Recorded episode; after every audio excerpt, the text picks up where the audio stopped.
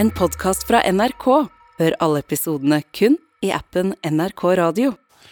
Vi skal jo snakke om den første sang i dag. Utrolig vakker sang. Eh, Ble det ikke skrevet femte vers til den sånn i senere tid? Jo, eh, stemmer vel det. Ja, Skal vi snakke om det i dag, eller? Nei, Nei. Nei, vi gjør ikke Nei. Nei.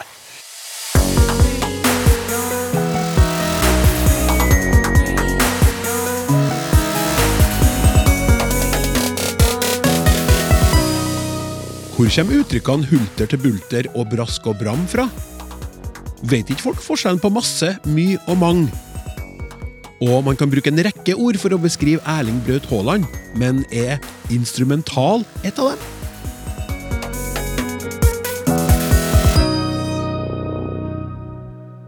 Alla dessa språksnack som kom och gick. Inte visste jag att de var beviset på at tida flyr, og vips, så er det sannelig sommerferie rett rundt hjørnet. Ikke for alle med en gang, riktignok, og det er fortsatt ei god stund til fellesferien, men dere skjønner jo hva jeg mener. Vi har imidlertid ikke mer feriefokus enn at vi gleder oss til dagens knippe lytterspørsmål, sendt til snakk.krøllalfa.nrk.no, eller som SMS til 1987 med kodeord 'snakk'. Er det noe jeg innbiller meg, eller blir språket mindre og mindre komplisert, undrer for eksempel en lytter. Og det er ikke på grunn av chat GPT eller noe sånt at vedkommende spør. Å nei da, heng med, så får du vite mer. Ukas ekspertpanel har i sommerens eh, komme sin anledning funnet seg vel til rette i hver sin fluktstol, alle tre med solbriller på, lett nippende til en alkoholfri parasolldrink. Nei da, nei da, nei da. Her er alt som det bruker å være. Svart kaffe i koppen og konferansemøblement. Vi ønsker velkommen til Ellen Andenes fra Institutt for språk og litteratur ved NTNU. Vi har også med oss Jan Christian Hognestad, Institutt for kultur- og språkvitenskap, Universitetet i Stavanger. Da, takk. Og vi sier hei til Leif Inge Aa, Institutt for lærerutdanning Velkommen til deg òg. Takk, takk. Du sa det helt rett. Du kjenner du, jeg sa det, helt rett. er sånn, Du er sånn aksepterende, aksepterende lærer. Ja. Ja. Dere skjønner kanskje på min stotring og snøvling at jeg begynner å bli sånn småklar for uh, sommer, sommeren. Jeg lurer på, Dere tre kjære språkforskere, har dere noen planer for den eh, varme tiden som kommer? Leif Inge?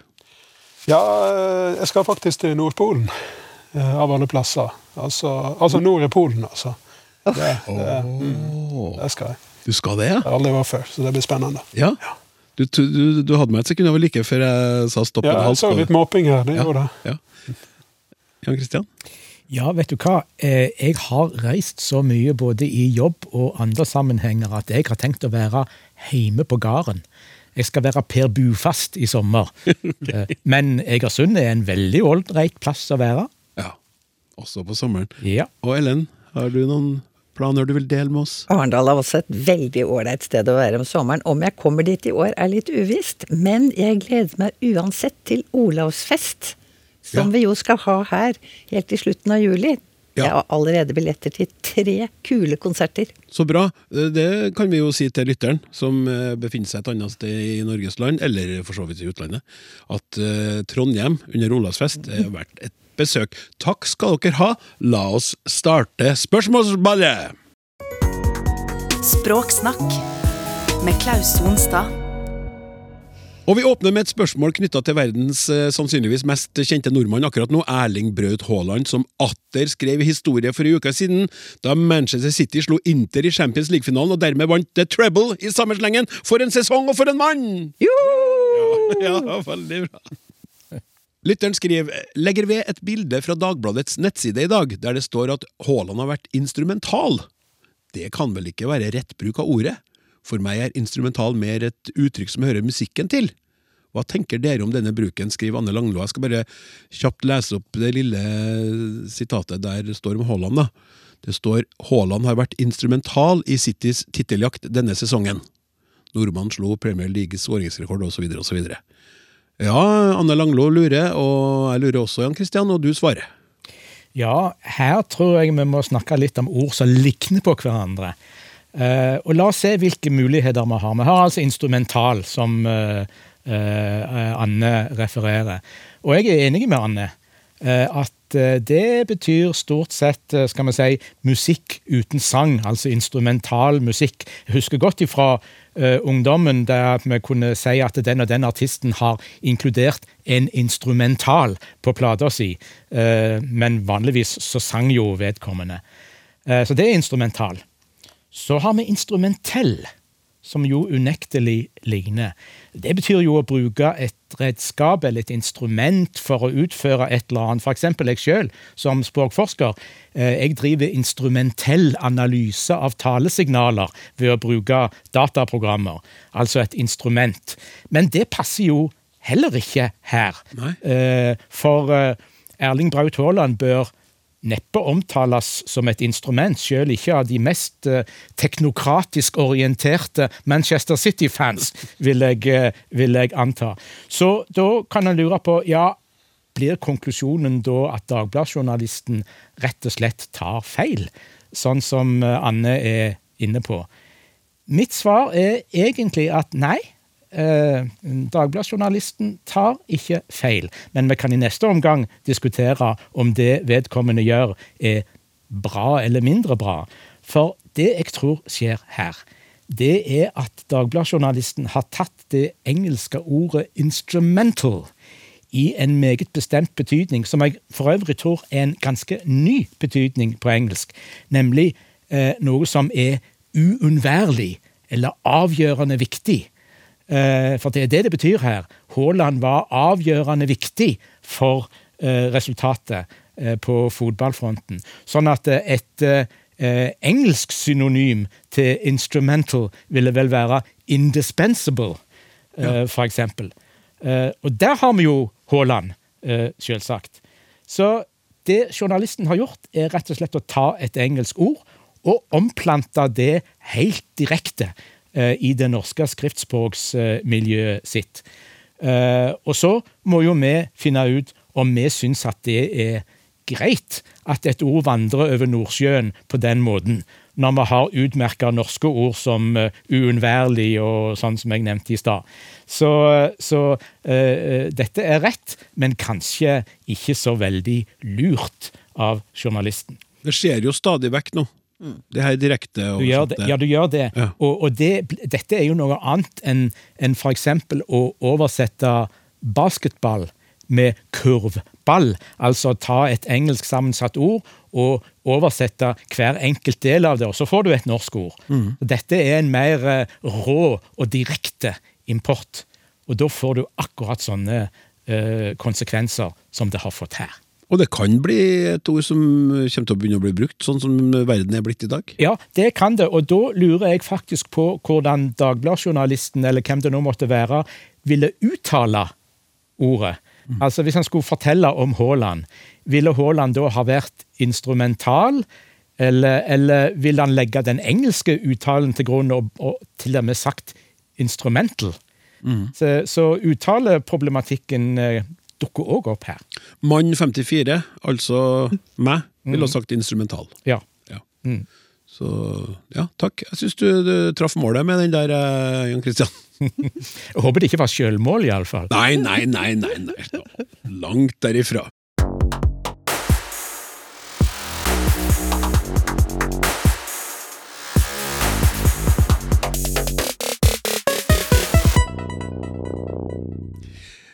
Hei fra Hamar, fra en svoren eh, tilhenger av språksnakk. Jeg elsker idiomer, stående ord og uttrykk, og ikke minst ordtak. Der eh, har du meg òg, kjære lytter. Fikk denne litt sære interessen bokstavelig talt inn med morsmelka. Min salige mor, som snart ville ha fylt 100 år om hun hadde levd, var full av dem, og hun visste på en utrolig presis måte å bruke dem som umiddelbare kommentarer til forskjellige tildragelser og begivenheter. Hun var flink til å forklare betydningen, og gjerne også si noe om opprinnelsen når jeg som måpende pode måtte få det inn med teskje. Siden har jeg samlet på slikt stoff, og særlig kontaminasjoner, på sammenblandinger av stående ord og uttrykk. Men til saken.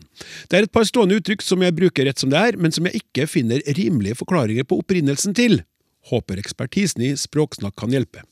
Uttrykkene er kolon, hulter til bulter og med brask og bram. Hilsen han på elgjaktlaget som etter vellykket jaktdag blir benevnet som han som kommer med brask og dram. Rolf på Storhammarstranda. Hulter til bulter, og med brask og bram. Ellen, Ja, kan du hjelpe? det kan jeg. Takk til Rolf på Storhammarstranda for dette fine spørsmålet. Og hjertelig takk også til jaktlaget hans for den vakre kontaminasjonen. Altså brask og dram. Eh, ja, altså eh, Først litt om hvert av uttrykkene. Og til slutt litt om hvordan de ligner på hverandre, for det gjør de. Ikke på samme måte som instrumental og instrumentell, men lell, altså. Så la oss først fastslå hva uttrykket betyr. Og Det Norske Akademiets ordbok forklarer eh, brask og brann, som jeg tar først. Det å gjøre noe med brask og brann, det betyr altså å gjøre det med en støyende, larmende og brautende opptreden. Eller opptre på en pompøs og skrytende måte. Dette er ikke bra, vet dere. Og det har vært i bruk lenge, det. Eh, han trådte inn med megen brask og bram, står det i Meltzers politinotiser fra 1874. Aksjonen ble begynt med brask og bram og voldsomme trusler, skrev Morgenbladet så sent som i 1930. Og i Per Gynt så er det en fin scene der Per forteller jo med veldig stor innlevelse for mor Åse om det fantastiske bukkerittet han har vært med på, på Gjende. Og hun følger ivrig med. Men så går det opp for henne at hun har jo hørt den fortellinga før. Og da har hun en ganske bitende replikk, og den går sånn Ja, en løgn kan endevendes, stases opp med brask og bram. Kledes i en nygjort ham, så dens magre skrått ei kjennes. ja. Men altså, eh, Rolf lurer jo på hvor uttrykket kommer fra. Og da må vi se på hvert av de to leddene, da. Først brask. Det kommer fra middelnedertysk 'brasj', Brakende larm. Og Mikkjel Fønhus skrev i Trollelgen f.eks. om brasket av elgen der borte i skogen. Og Magnhild Holke skrev om å få slippe alt dette brasket. Ja, så det var det. Og så bram. Hva med bram? Jo, det henger sammen med det svenske dialektordet brama, som er å bryste seg og gjøre seg viktig. Og med det islandske bramla, larme, som er beslektet med bromme. Alt henger sammen med alt, altså. Ja. Nesten. Eh, og det er brukt da om skryt, pralende, brautende opptreden eller vesen. Og det er ikke noe å trakte etter. Dikterne Wergeland og Welhaven de var jo uenige om mangt. Men de var helt enige om at det var en uting å opptre med bram. Ja. Og de har noen fine sitater der som jeg tar med. Welhaven skrev om 'denne grove nasjonale bram'. Og Werge Wergeland skrev noe som han kalte nordmannens katekisme, som var sånne eh, leveregler for å 13 egenskaper for å bli et godt menneske, og dermed også en god nordmann. Eh, Han kalte det om de 13 egenskaper som utfordres til et rett og fullstendig menneske. Ganske vakkert. Mm. Og en av disse 13 egenskapene var en munn som hater pral og bram. Det var pral og bram. Ja, pral og bram. Og gjør ei sunn fornuft til skam. Ja, pral, det er jo skryting, sant? Ja. ja. Men jeg syns også uh, artig nå når du har gitt meg eksempler på at brask og bram har blitt brukt hver for seg, for det har jo ikke jeg tenkt på at Jeg trodde det uttrykket var som det var. Men det, der igjen, som vi har snakka om i, i et tidligere program Barnets blikk på det hele kunne kanskje hjulpet meg der. Bare kjøpe det som det er. Og så er jo brask et ord, og bram et ord. Men det er jo ikke det nå lenger. Nei, For i nåtidsspråket så møter vi dem bare som det faste Ja, uttrykket. det er ingen som bruker bram eller brask sånn Nei, av dere. tror ikke det, Nei. gitt. Men altså, begge de to eh, sitatene der fra Wergeland og Welhaven gjør det jo veldig tydelig at skryt og brauting var en skam, og i strid med sunn fornuft attpåtil. Og så har det jo skjedd noe med brask og bram. Fordi i helt ny bruk så ser vi at det brukes med en ny betydning. Nemlig om å gjøre noe ettertrykkelig eller med stor festivitas. Og da er den moralske fordømmelsen fra Wergeland, Welhaven og Ibsen Den er blitt borte et sted på veien, og nå tror jeg ikke det er kritisk ment, eller man kan bli litt usikker, da. Eh, om noen sier at en utstilling ble åpnet eller et bygg innviet med brask og bram. Jeg tenker det. Ja, Eh, da var det. det. Ja, absolutt. Og hvis det hadde Ja. vært sånn type eh, Petter Stordalen-involvert hotellåpning, Ja. så, og det hadde vært med brask og bram, så hadde man tenkt kanskje litt sånn overdådig mye my, my show og, og spetakkel, men man hadde ikke nødvendigvis tenkt negativt på det. Det var at han har slått på stortromma, som er også et uttrykk som ungdommen bruker mye i dag, har jeg skjønt. Ja, da. Ja. Mens altså, jeg må håpe at ingen av dere vil si at jeg gjør noe med brask og bram, for jeg vil da bli ille berørt. Ja. Ja, det vil jeg. Men det er ikke noe sjelden at uttrykk endrer eh, betydning over tid. Da. Vi har vel snakket om en gang før her bjørnetjeneste, f.eks. Også det nye som jeg har lagt merke til. eh, Det er beslektet med dette, men ikke helt det samme. Eh, I gamle dager så skrev vi ting i gåseøyne. Altså sitattegn eller hermetegn. Og det var veldig lett å forstå for alle som noensinne hadde sett ei gås. For de tegnene de så jo ut som gåsas øyne. Men nå, alle yngre mennesker sier 'i gåsetegn'. Og da er jo uttrykket blitt veldig mye vanskeligere å skjønne, egentlig. Hva, hva har gåsa med sitering å gjøre, liksom? Men vel. Det var en digresjon, altså. Nå må vi gå til hulter til bulter. hulter til bulter betyr jo uten plan og orden. Eh, og det er kjent i hvert fall fra 1500-tallet. Det svarer til tysk holter, altså hulter svarer til holter, som kan komme av holpern, å gå ustøtt eller vagge, og polteren, som betyr buldre, altså bulder. Eh, Og andre språk har former som ligner. Svensk har huller om buller, tysk har holter di pulte, engelsk har herlig burly, som betyr noe sånt som ståk og bråk, som er kjent i hvert fall fra Shakespeares Macbeth, og som kanskje er beslektet med det gammeldanske ordet hurlumhei. Ja. Hold. Ja. Bulder, det er altså fra middelnedertysk og betyr en sterk og hul og rullende lyd. Og det er vel kjent og vel belagt i skriftlige kilder.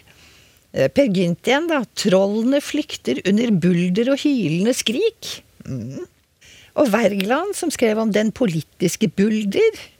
Og Kari Bøge nå i nyere tid, som skriver om en som bare hører dette bulderet inni hodet. Ja. Men da har vi fått forklart uh, uttrykkene, og så sa jeg skal si noe om hvordan de ligner på hverandre. Og det er jo det at brask og bram og hulter til bulter, de er rimord. Hulter til bulter rimer på hverandre sånn som enderimord, mens brask og bram har bokstavrim, eller alliterasjon, da. De begynner med de samme språklydene.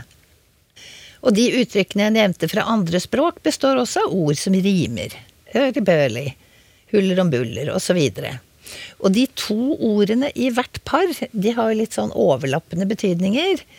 eh, Sånn at uttrykket blir litt smør på flesk. Eh, Men de to ordene sammen, de gir jo mye større trøkk. Altså mye mer fyndig betydning eh, enn bare ett sånt ord. Og det er viktig å huske på da, at språk dreier seg langt fra bare om å dele informasjon eller organisere relasjoner mellom folk. Det vi ser her, det er jo språkets lekende og poetiske funksjon. Vi har veldig mange sånne uttrykk, og de fins vel i alle språk. I hui og hast, med liv og lyst, med hud og hår, tøys og tull, tant og fjas. Ditt og datt, tipp topp, superdupert, bulter og brakk, osv., osv. Altså, man kan fortsette nesten i det uendelige. Og alle er eksempler på at den lystfylte sammensetningen, den har mer kraft enn delene. Eh, tusen takk skal du ha, Ellen. Da går vi videre.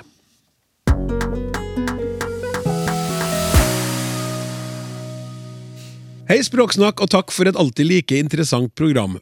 Vær så god, på vegne av eh, de flinke forskerne som eh, egentlig sørger for det, da. Ja. Jeg har hengt meg opp i at så mange mennesker bruker ordet masse når man mener mange mye. Hva kan grunnen være? Vet ikke folk flest forskjellen? En enkel regel er at mange brukes som det som kan telles, mye brukes som en mengde, men det som ikke kan telles. Masse derimot brukes som noe som man kan måle i eksempel kilo. En masse med sand er et eksempel, eller en deigmasse, jordmasse og lignende. Er det allment akseptert at ovennevnte ord kan brukes om hverandre? Med vennlig hilsen Grete Olsen. Hun har også stilt et annet spørsmål, men Grete, det sparer vi. Leif Inge, vær så god. Jo, takk. Um, utgangspunktet til hun, uh, Grete Olsen det er jo helt rett at um, jeg kan si at det determinativet eller bestemmerordet 'mange' det blir i regelen brukt framfor noe tellelig. Noe vi kan telle. Mens 'masse' Vi skal komme tilbake til ordklassen der, for den er ikke helt klar. Det er prototypisk eller tradisjonelt blir brukt framfor noe utellelig. Og da nettopp det vi, noe vi kaller for et masseord. Um, og masse ligner slik sett på mye, som òg er et problematisk ord, ordklassemessig. skal vi også komme tilbake til. Uh, men hun liker ikke å blande sammen disse. Hun vil ha ut med masse, og vil da enten ha uh, ja, at vi kan bruke mange eller mye, da, så vidt jeg forstår. Uh, men vi tar det litt ord for ord, og så nærmer vi oss slik det problemet. For problemet er her nemlig overlappingene. sant? Mm. Vi kan prøve å holde det fra hverandre, men så viser det seg at i den virkelige verden så er det en del overlapping her. Mange først. Det er heller ikke et så åpenbart enkelt ord, for det er et flertallsord. Det er flertallsform av uh, mang ein. Og entallsordet det er ikke så veldig mange som bruker kanskje i dag, sånn uh, like produktivt som mange iallfall. Det var vanligere før, f.eks. med mang en gang og mang en dag. Jeg fant et eksempel fra Olav Duun. Han skriver han hadde møtt mangt et blikk på ferdene sine. Sant? Det kunne også sagt mange. Det er fra menneskemakten. Ja. Så mange, da, det blir eh, typisk brukt determinativt, som bestemmerord. Mm. Eller det kan òg stå substantivisk. Vi kan si eh, ja, Determinativt har vi mange dager, mange år, mange kilometer.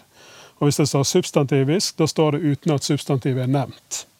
Altså, Vi kan si mange strøk til eksamen. Har du, har du hatt eksamen? Ja, jeg har hatt mange, kan du si. For eksempel. Så det er veldig greit med mange, selv om ikke mange bruker entallsformer like mye. da, mange en. Jeg mener, Vi har òg den innsynsformen som jeg la merke til at Ellen brukte produktivt i stad, nemlig mangt. Den betyr òg det samme som masse eller mye. Så Ola Hauge skrev jo 'Det er så mangt å tenke på her i verden', sant? i et eh, ganske kjent dikt. Og Hvis han Ola Hauge hadde vært 100 år yngre, da hadde han gått, ni, gått ut 9. klasse disse dagene her. Og da ville han kanskje på sidemålet sitt skrevet 'Det er så masse å tenke på her i verden'. Ikke like poetisk, men korrekt sidemål. Mm. For hva med masse? I eh, standardbøkene, da tenker jeg på nynorskordboka og bokmålsordboka, da står eh, masse oppført som et substantiv. Og med akkurat den bruken som Grete Olsen nevner, altså en masse med stein, og i sammensette ord som deigmasse, jordmasse osv. Men noe annet som ordbøkene, ikke, disse standardordbøkene da, ikke sier eksplisitt, men bare viser eksempel på, det er faktisk noe som NAOB, altså Den norske akademiets ordbok, sier eksplisitt. Nemlig at ordet masse òg fungerer som determinativ. Altså masse stein, masse deig. I betydning av mye. masse deigmasse. Og da har vi et nytt problem, for det ordbøkene når vi kommer til mye, det kaller de nemlig et adjektiv. Selv om det òg blir brukt determinativt. Så, for det plasserer seg ofte i setninger som et determinativ, som et bestemmerord. Vi kan si 'mykje stein, sant? Vi kan si uh, 'mykje god stein. Det er faktisk tvetydig om det er så, det, så, det, så det kan også åpenbart være adjektiv. Men jeg tror jeg kaller det adjektiv fordi du kan gradbøye det mye mer mest. Um, poenget er at det masse det beveger seg fra substantiv til determinativ, og mye har en sånn grenselandstilværelse mellom adjektiv og determinativ. Så de møtes i determinativsekken.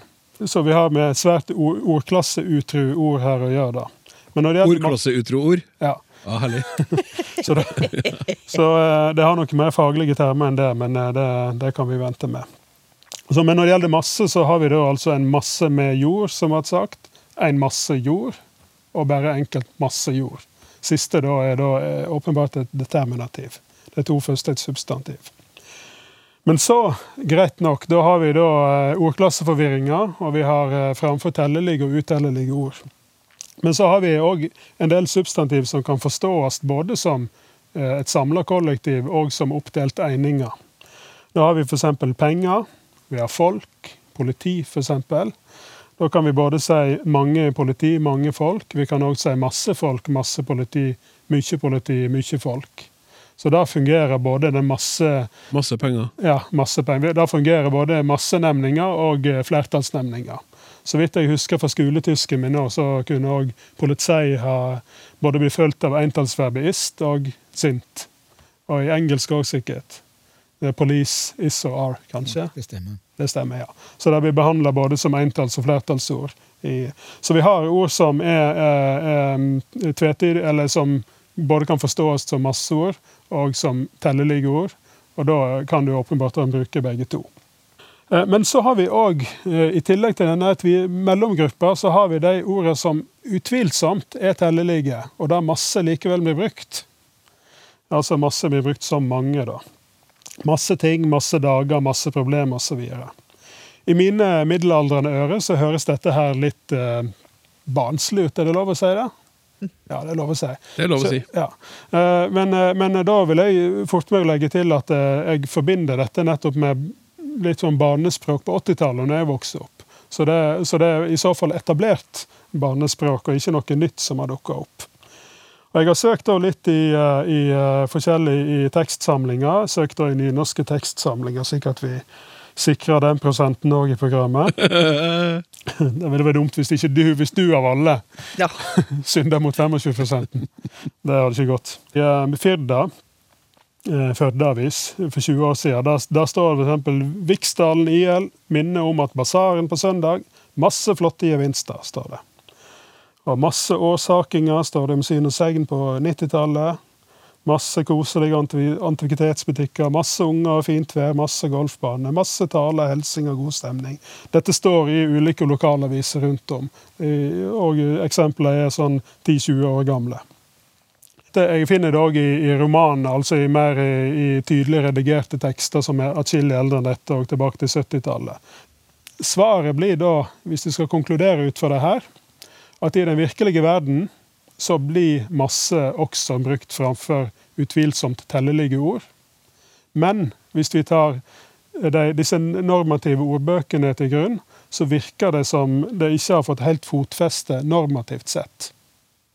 For, for ordbøkene eh, bruker det da bare framfor utellelige ord, og de som er tvetydig tellelig utellelige.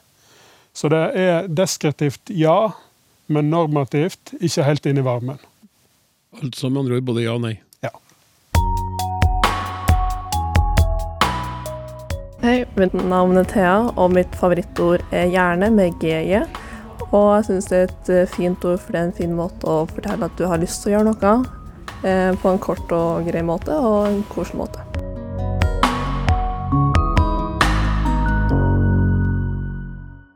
Ja, du lytter til Språksnakk, eh, om du var i tvil om det. Og vi Forrige gang så hadde vi, nei for et par, par sendinger siden så hadde vi eh, Olaf Husby som er en eh, i Ekspertpanelet. og I etterkant av den sendinga kom jeg og produsent Hilde Håbjørg i prat om noe som vi egentlig har glemt litt av. Fordi Olaf og jeg da, vi hadde noe som het Fonetikkskolen. Og i etterkant eller underveis i, i denne fonetikkskolen som, som hadde sånne små innslag, korte, sånne korte innslag om fonetikk, så kom det mye tilbakemeldinger. Jeg skal bare lese opp et par av dem, par-tre av dem her nå. Fonetikkskolen, bra! Olaf er flink til å forklare, og Klaus er flink til å spørre. Imponerende, skrev Arne Kjell Follvik den gangen. Og så skrev eh, Mette Tangen Hei igjen til dere i Språksnakk. Olaf Husbys vårkurs er noe av det mest interessante jeg har hørt på radio. Dette skriver jeg med stor interesse for faget, men med det meste av kunnskapen tilegner seg gjennom Wikipedia, i PA-tabellen og YouTube. Flott forklart. Og så kom det fra en lærer, en forespørsel for en vedkommende lærer, som eh, heter Marte Kristine. Hun underviser kommende audiografer. Folk som skal bli gode på hørsel, men også må kunne en del om de signalene vi mennesker aller helst vil, vil få til å lytte, nemlig talesignaler. Og det er fint å kunne tilby studentene læringsressurser i ulike formater. Hun snakket om at de her leksjonene i, i fonetikk er perfekt. eh, Perfekte læringsressurser for mine studenter, men dessverre er ikke alle av dem så gira på alt annet innhold i språksnakk Skriver uten at vi skal la oss fornærme av det. For jeg lurer på om det var mulig å få samla og eller indeksert de ulike episodene i Fonetikkskolen. Dette prata vi om for ganske lenge siden. Vi hadde glemt det. Nå kom vi på det igjen, og vi syns fortsatt det er en god idé, som vi skal komme tilbake til etter sommeren. Vi lover.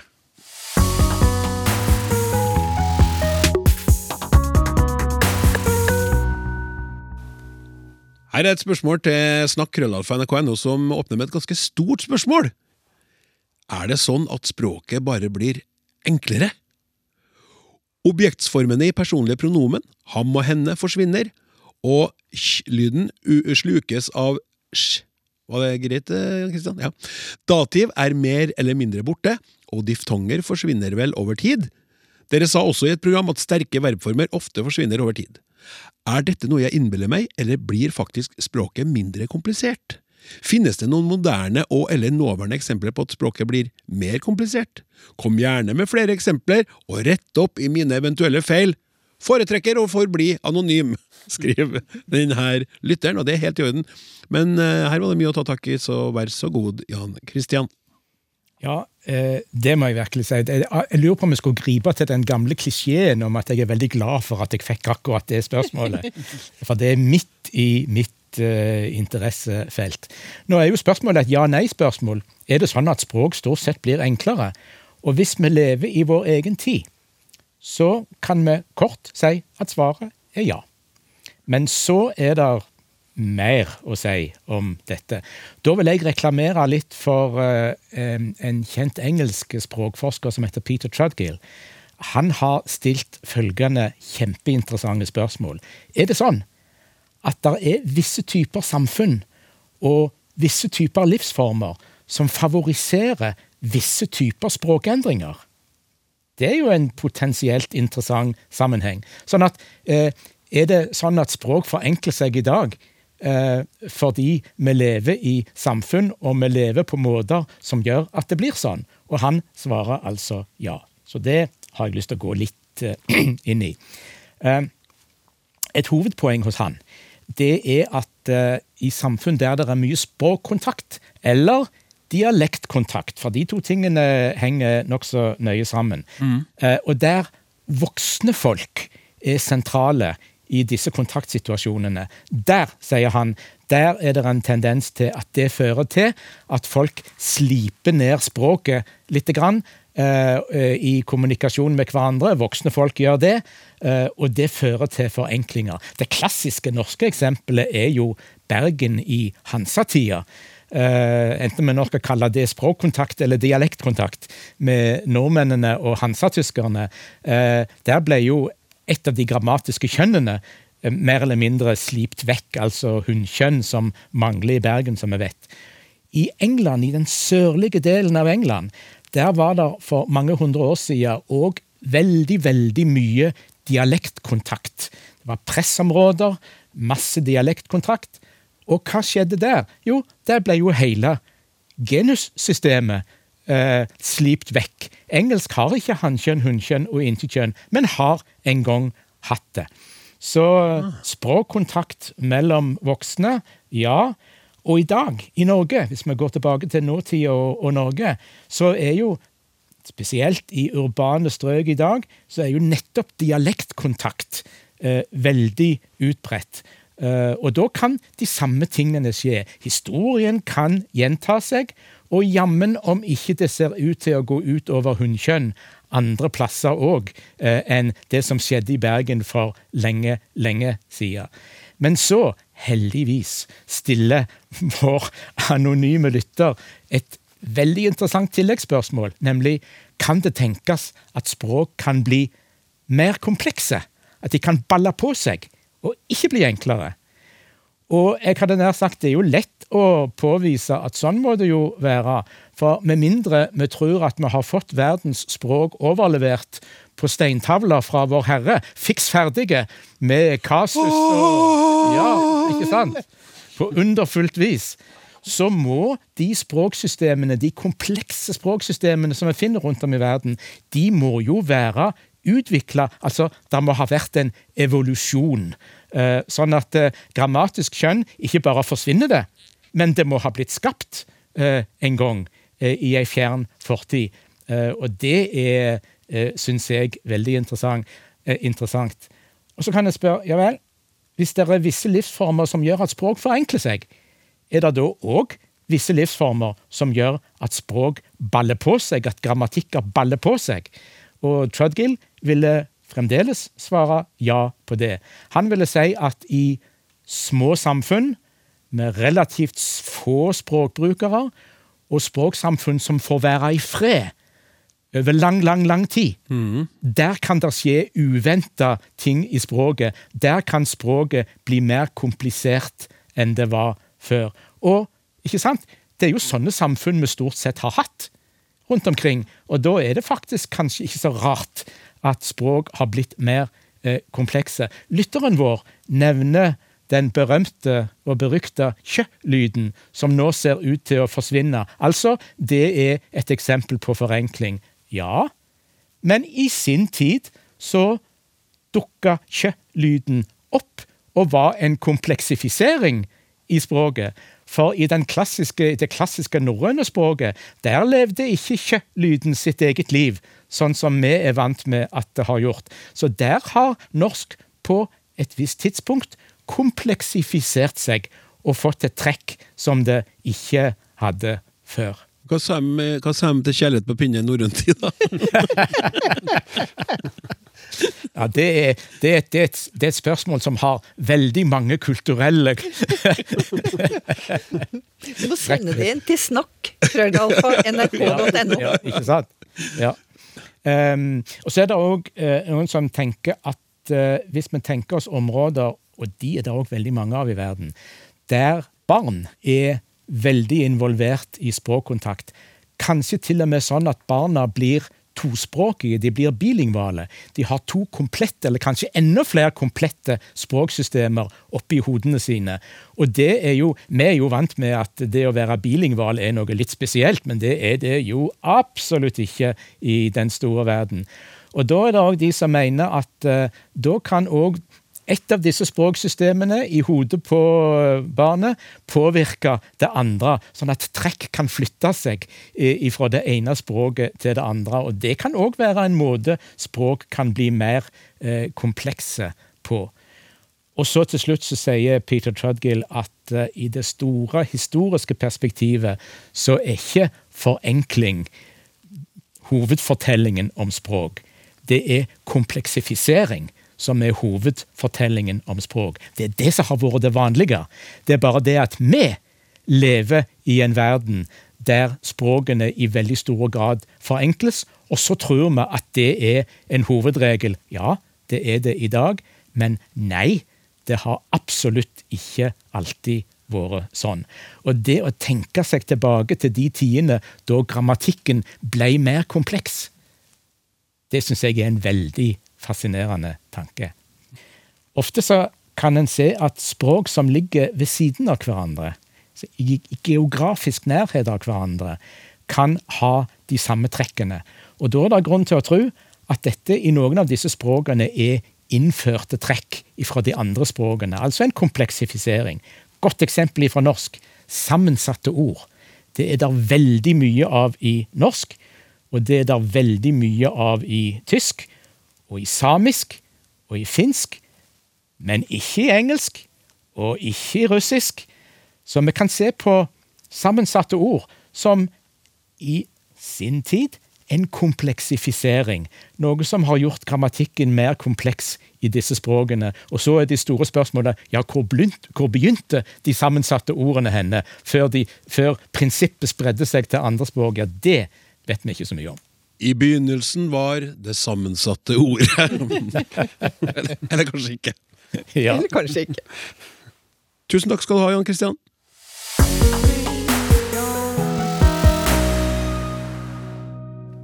Hei, Språksnakk! Har lurt litt på hvorfor det her i Norge er veldig vanlig med etternavn som slutter på sen, som for eksempel Hansen og Pettersen. Altså Hansen og Pettersen. Men veldig sjelden med etternavn som slutter på datter i motsetning til det som er vanlig på Island og Færøyene. Hvorfor forsvant endingen datter-dotter her i landet, og når? De siste årene har jeg likevel sett endingene dotter og datter oftere og oftere. Er det blitt inn for damer her i landet å skifte til de gamle navneformene? Og i så fall hvorfor? Tusen takk for et flott program. Hilsen Sigbjørn Lauritzen med Z. Ja, Helen? takk, Sigbjørn med Z for det temaet der som har gitt meg anledning til å undersøke litt rundt noe som jeg liksom har eh, hatt i sinn og grublet litt over. Men det ligger jo et stykke utenfor sånt som jeg vanligvis jobber med. Sånn at jeg kontaktet hele Norges personnavneforsker Ivar Utne ved Universitetet i Bergen. Takk for hjelpen, Ivar. Eh, Han har jo atskillig mer å fortelle om dette enn vi har tid til her. Men eh, jeg har hatt stor glede av både det han og andre har skrevet om navneskikkene våre. Og det har i grunnen vært så gøy at jeg kommer til å ta dere med på en liten tur rundt i navneskikker.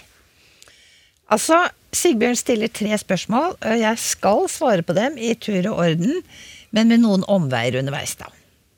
Spørsmål én og to først. Hvorfor forsvant endingen datter-dotter her i landet, og når? Skal vi ta kortversjonen først? Vanligvis er det jo ikke så lett å svare på hvorfor-spørsmålet om språk. Men i dette tilfellet så kan vi i grunnen det, hvis vi forenkler litt. Det enkle svaret er når-spørsmålet i 1923. Og, og hvorfor-spørsmålet? Fordi myndighetene ville det. Ja. Ja. Norge innførte nemlig en navnelov i 1923 som faktisk gjorde det ulovlig å ha etternavn med datter- eller dotterendelse. Tenk det, dere. ja, jeg skulle til å si det. Enn det. Ja, Enn det. Ja. Og vi sa, vi sa ikke 1823 her nå, vi sa 1923. Vi sa 1923, det er 100-årsjubileum i år. Men nei, navneloven er jo blitt myket opp siden det, da. Virkelig. Men altså, disse enkle svarene, kortversjonen, trenger jo både nyansering og utdyping, så nå kommer en liten utredning, og da går vi litt tilbake i tid. For hvorfor ville myndighetene det, da? Altså, vi tar jo nå for gitt at alle mennesker har ett eller flere fornavn, og kanskje et mellomnavn, og så et etternavn. Og dessuten at alle offentlige registre og telefonkatalogen og alt sånt sorterer oss alfabetisk på etternavn. Og det virker helt ø, naturlig.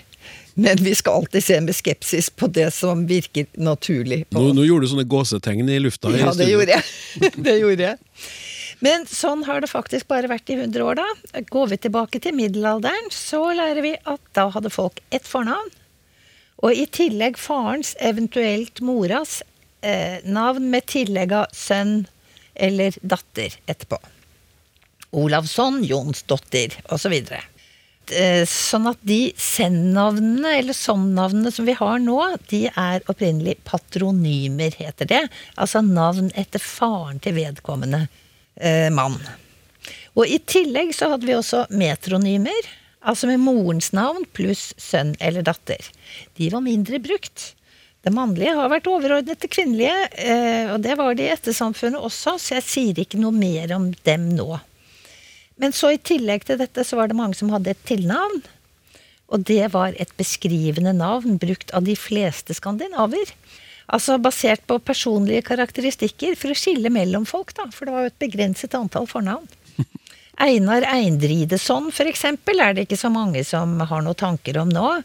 Men han var landets beste bueskytter, og derfor ble han mest kalt Einar Tambarskjelvet. Og det husker vi ennå. Så var det veldig mange som het Olav, og det var sikkert eh, en god del som het Olav Haraldsson også. Men bare én het Olav Digre Haraldsson. Nå kjenner vi han som Olav den hellige. Jeg vil bare skyte inn Ellen, at eh, min gode venn og kollega Are Sende Osen har jo en fantastisk podkast som heter Kongerekka. Oh yes. Som boltrer seg i navn og historie om norske konger og alt der, så der kan man få enda mer av det hvis man ønsker. Anbefales. Absolutt. Eh, Denne skikken med patronymer den ble gradvis erstattet med bruk av arvete etternavn i alle de tre skandinaviske landene. Norge var senest ute med å gjøre det. Danmark startet på 1800-tallet, Sverige rundt 1900 og Norge altså i 1923. Og Island valgte å bevare gammel skikk. Der har ikke familier faste etternavn. Og telefonkatalogen er alfabetisert på fornavn, etterfulgt av sønn eller datter. Utlendinger som innvandrer til Island, må ta islandske navn. Sier du det! Ja, det sier jeg. Det likte jeg å høre. Ja. altså, I 1923 da, så måtte norske familier velge et fast etternavn. Enten eh, patronymet til far i familien, eller et gårdsnavn eller stedsnavn fra familiens bakgrunn. I Sverige brukte mange et, eh, et eh, soldatnavn. Og det er sikkert mange norske som har stusset litt over det at folk kan gå rundt og hete sterk eller tapper eller munter til etternavn. Det er soldatnavnet, altså. Nå er det sånn at Min farfar han het Mats, Så hvis ikke familien allerede hadde tatt navnet etter gården de bodde på, så ville både far og mor og søsknene mine og jeg blitt tildelt navnet Madsen i 1923. Ja. Men ikke Madsdatter, det var ikke lenger lov. Ikke snakk om heller. Nå for tiden så er det sånn at to av tre norskinger har gårdsnavn som etternavn, eller stedsnavn, da. Der har vi sånn rundt 50 000 å velge mellom. Det er mange. ikke sant? Og det, altså nesten ethvert naturfenomen kan bli gårdsnavn, og vi har en veldig variert natur. Fra noe på den ytterste nøkne ø til høyt oppe i fjellet. Knaus, fjell, bukt, øy, elv. Bekk, gjeld, eid, tange, vik og strand. Og så kan vi legge til øvre og nedre og lille og store osv. Så, videre. så det blir, det blir mye, altså. Sonstad er jo et sånt gårdsnavn. Ja, selvfølgelig. Andenes er det. Hognestad. Og nære det elv, da. Ja, ikke sant? sånn er det. Men likevel, de tre vanligste etternavnene i Norge det, nå, det er Hansen, Johansen og Olsen. Men de viker, fordi flere og flere tar stedsnavn eller gamle gårdsnavn. Ja. Men var det ikke sånn at uh, disse gårdsnavnene først dukka opp nærmest som adresser? Uh, altså, jeg kunne hett eh, Jan Johansen Hognestad, og da var Hognestad der jeg bodde, det var der jeg hadde gard. Ja. Og så gikk det over fra å være adresse nærmest til å være etternavn. Det er akkurat det, men dette ble jo også ganske mye surr med, for det, det hendte jo at folk flytta. Ja, Ikke sant? Og da skiftet de også navn.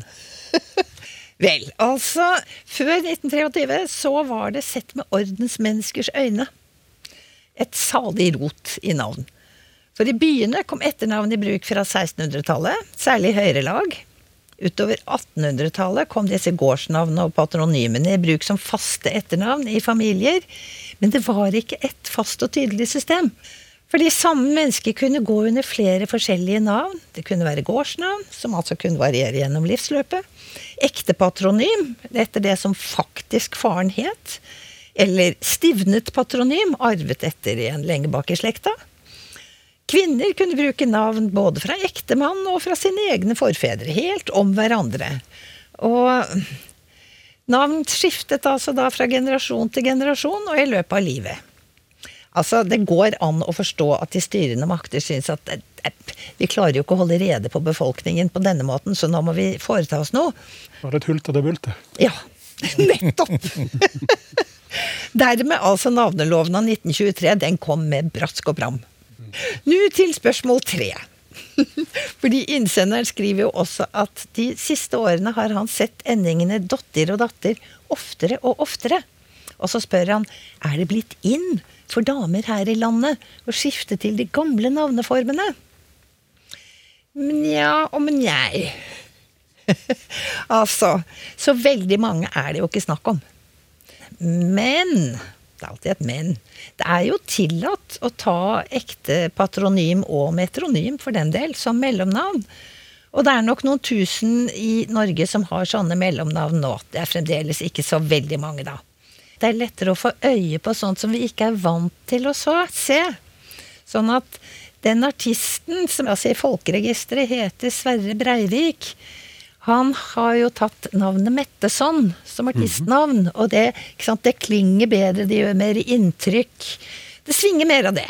Det svinger veldig av musikken hans. så har skjedd på Ja, festival. Fantastisk bra. Ja. Og det er navn som man legger merke til. Helt enig med deg. Nettopp.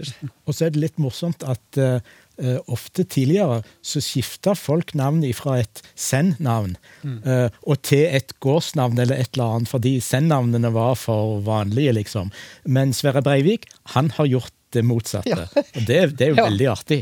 Ja, men da med Mette foran. Med med et metronym. Ja, Jensen og Hansen og de der, de er på vikende front, rett og slett. Hvis vi ser på hele Norge, så har det kanskje ikke akkurat vært en trend. Men hvis vi ser litt nærmere på de foreldrene som velger sånne navn for barna sine, altså datter, datter, så ser vi at det har kanskje vært inn i en mer begrensa gruppe, da. Eh, Det er en kar som heter Robert Mørk, som skrev masteroppgave i 2010. Og han undersøkte partivalg og utdanning blant foreldre som valgte metronymer med ending av dotter eller datter for sine barn. Okay. Ja, og altså Moren min hun het Ida, så for mitt vedkommende så ville det blitt Ida-datter. sant?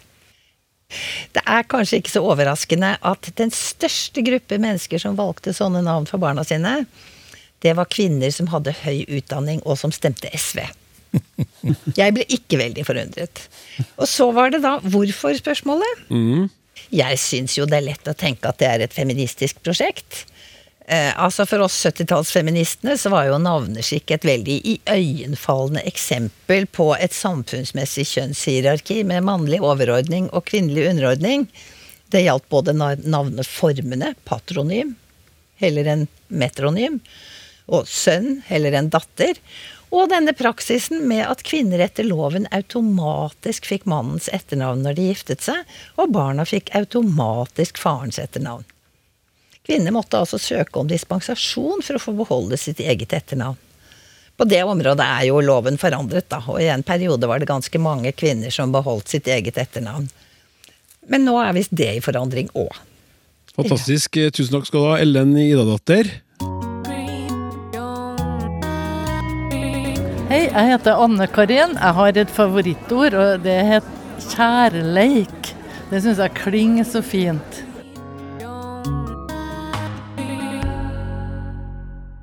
Ja, jeg må si meg enig i at uh, ordet kjærleik klinger fint. Det som uh, også klinger fint, det er en vakker sang. Skal jeg høre litt på, litt på en, et eksempel på det nå?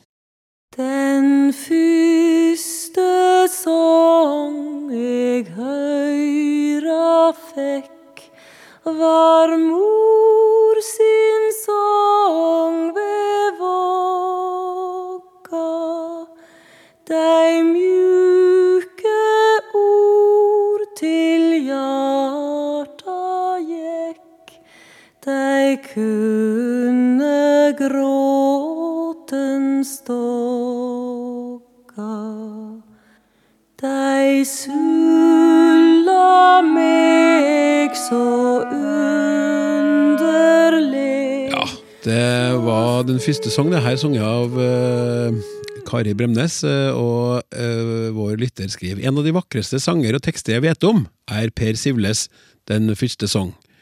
Hvorfor i herrens navn synger våre eminente artister, eksempel Ingebjørg Bratland og Herbjørg Kråkevik og Kari Bremnes, de sulla meg så underleg?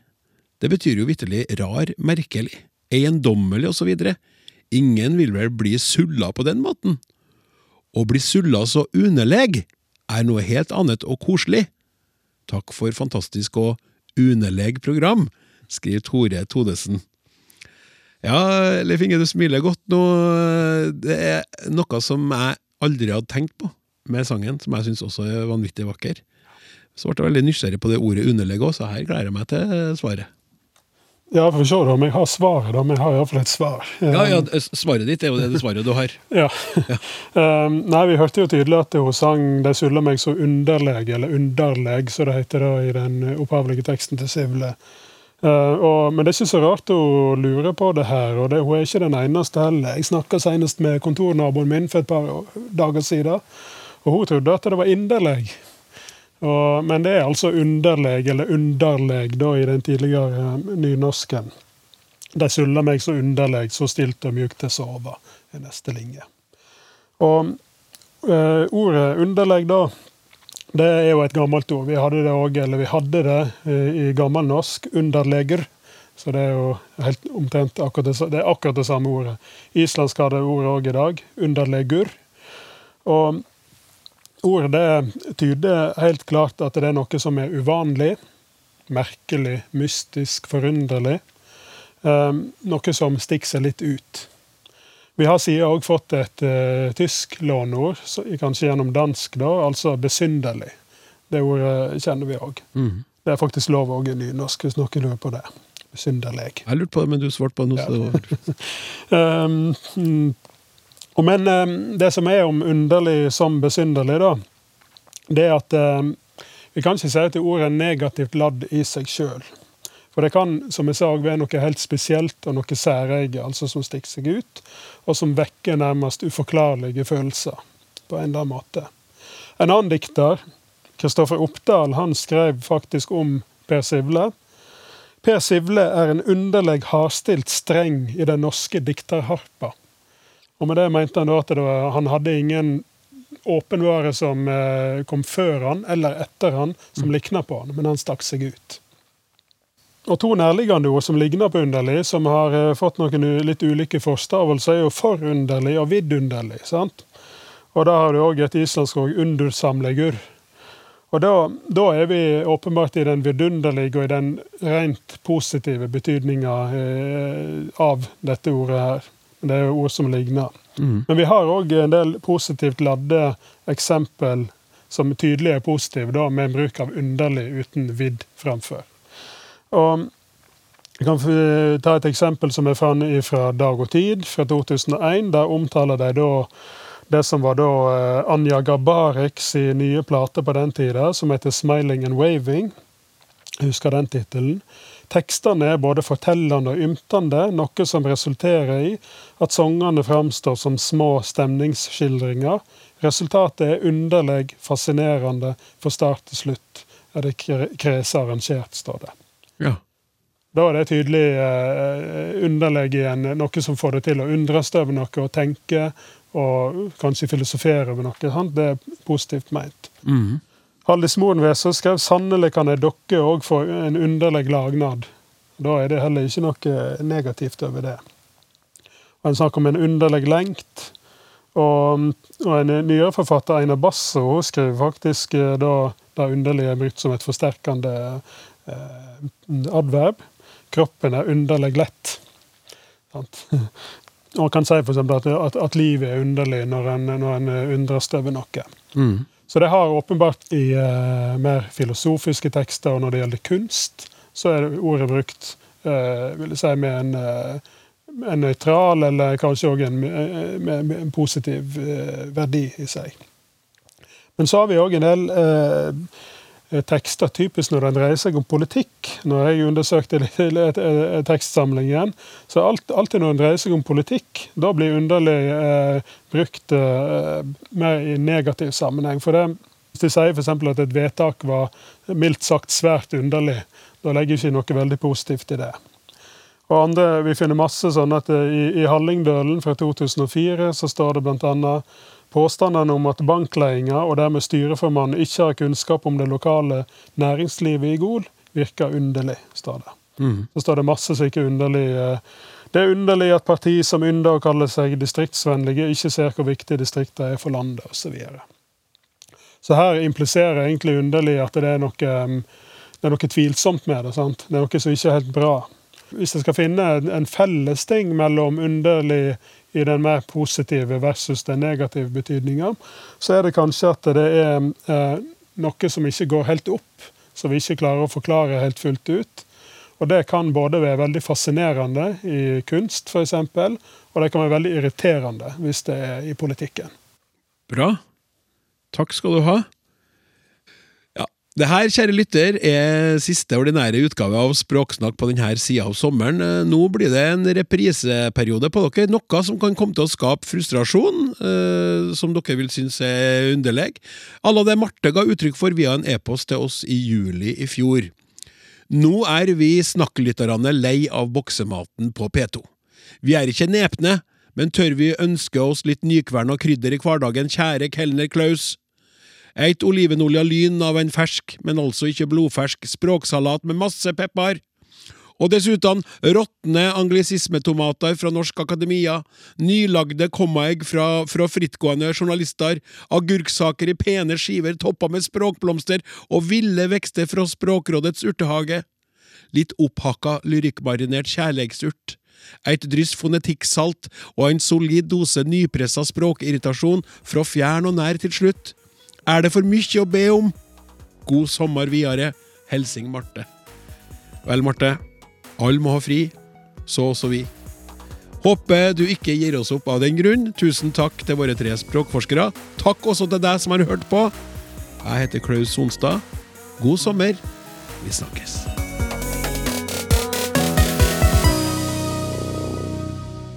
Du har hørt en podkast fra NRK. Hør alle episodene kun i appen NRK Radio.